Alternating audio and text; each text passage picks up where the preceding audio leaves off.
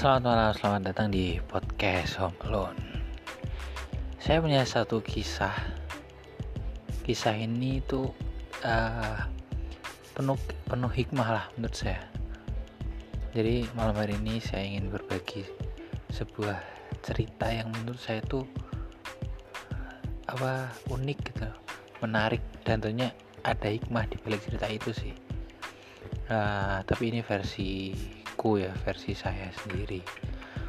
Uh, padahal aslinya itu udah ngantuk berat gitu.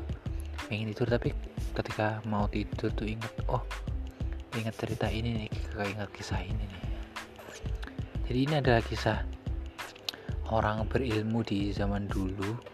Kalau teman-teman tahu mungkin uh, saya kasih tahu namanya sekalian itu adalah kisah dari dari Abu Nawas ini adalah kisah dari Abu Nawas orang berilmu orang Islam yang berilmu yang uh, cara dakwahnya itu unik gitu loh uh, berdakwah lewat komedi gitu. makanya di beberapa di sebagian besar kisah-kisah Abu Nawas itu tuh apa apa sih ada unsur-unsur uh, komedinya lucunya selain Abu Nawas juga mungkin sebagai referensi untuk teman-teman teman-teman bisa juga uh, dengerin kisah uh, Nasruddin Hoja.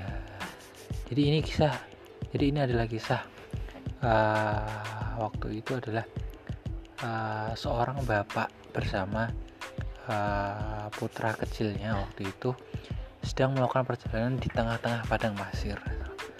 Nah bapak dan uh, putra kecilnya ini uh, membawa seekor seekor kuda gitu ditontonlah oleh si bapak dan si putra kecil ini kuda tersebut uh, untuk menemani perjalanan mereka.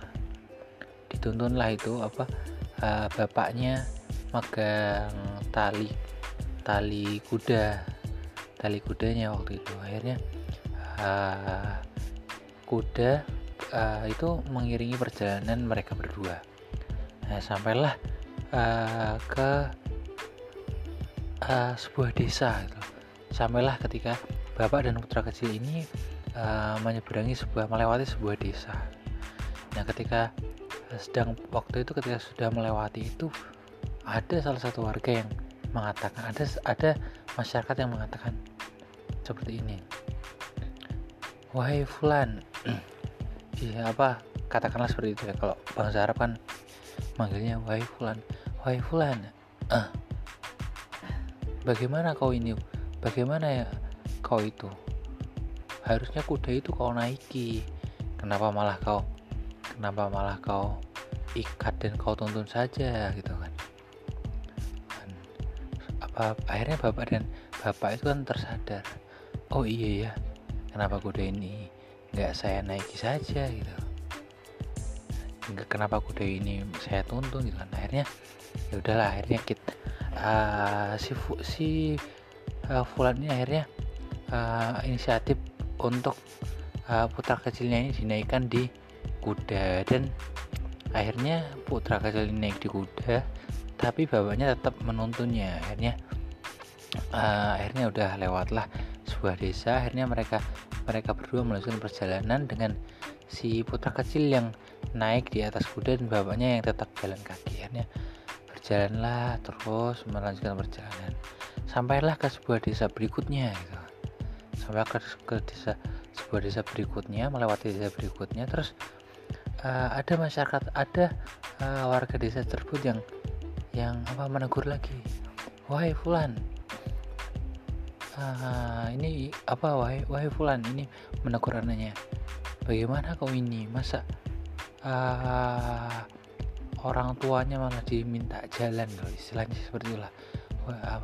Bagaimana kau ini? Masa bapakmu suruh jalan kaki sedangkan kau enak uh, di atas naik kuda gitu kan? Nah, akhirnya si anak pun juga sadar sadar.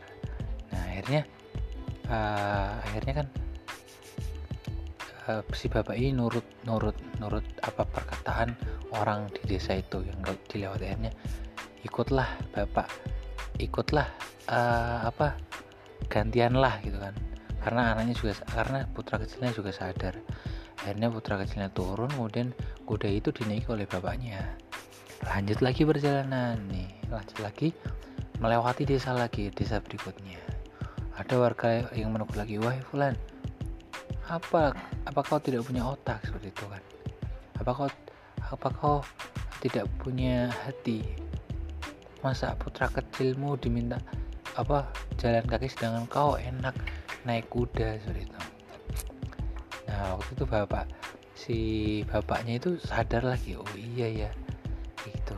Nah, akhirnya uh, tadi di awal uh, anaknya yang naik ditegur. Terus kemudian bapaknya gantian naik ditegur juga. Akhirnya uh, bapak dan dan putra kecilnya ini inisiatif untuk uh, dua-duanya naik di atas kuda gitu. akhirnya mereka melanjutkan perjalanan lagi. Ketemulah desa berikutnya. Nah ketika desa berikutnya ini ada lagi warga yang bilang ada ada lagi warga yang bilang wahai fulan apa kau tidak kasihan dengan kudamu itu? Harus kena terik matahari panas-panasan itu pasti kehausan. Kalian enak-enak enak aja naik di atas kuda itu. Nah, akhirnya dari situ mereka berdua memutuskan untuk uh, turun. Menuntut ke, apa akhirnya menuntun kembali kuda itu. Menuntun bahasa Indonesia apa ya? Intinya eh, nggak uh, menaikin itulah. Akhirnya mereka melanjutkan perjalanan tanpa menaiki kuda. Begitu terus.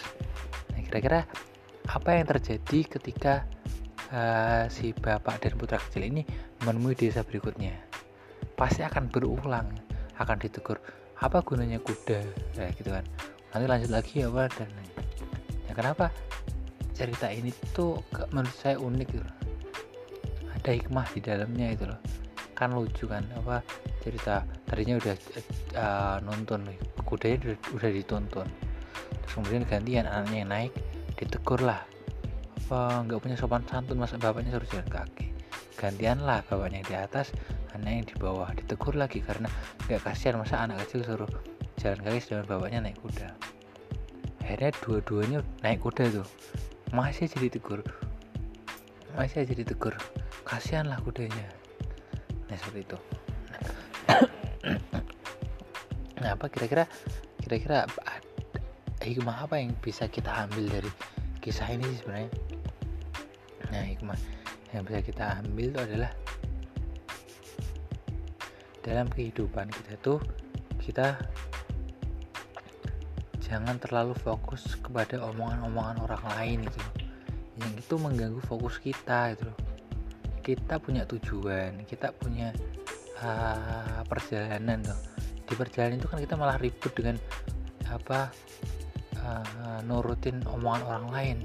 Yang itu nggak ada benernya di desa ini diminta gini di desa itu diminta gitu dalam di kehidupan pun juga akan sama gitu loh. Kita tidak akan pernah bisa memenuhi ekspektasi orang lain. Ya kan? Ya, kita gak akan pernah bisa memenuhi ekspektasi orang lain. Dari kisah Nasruddin Hoja pun seperti itu. Orang lain sudut pandang orang lain itu pasti akan berbeda-beda. Mengomentari kita mengomentari kita gitu nah, pelajaran yang kita, bisa kita ambil itu adalah uh, kita punya tujuan terus kita punya apa ya akal sehat kita punya hati. Apalagi ini adalah kisah yang backgroundnya adalah tentang Islam gitu. kita punya apa uh, pegangan pedoman agama yang kuat gitu. Tidak semua omongan itu bisa bisa apa kita kita lak, harus kita lakukan gitu. Pun omongan mereka semua nggak belum tentu benar gitu loh.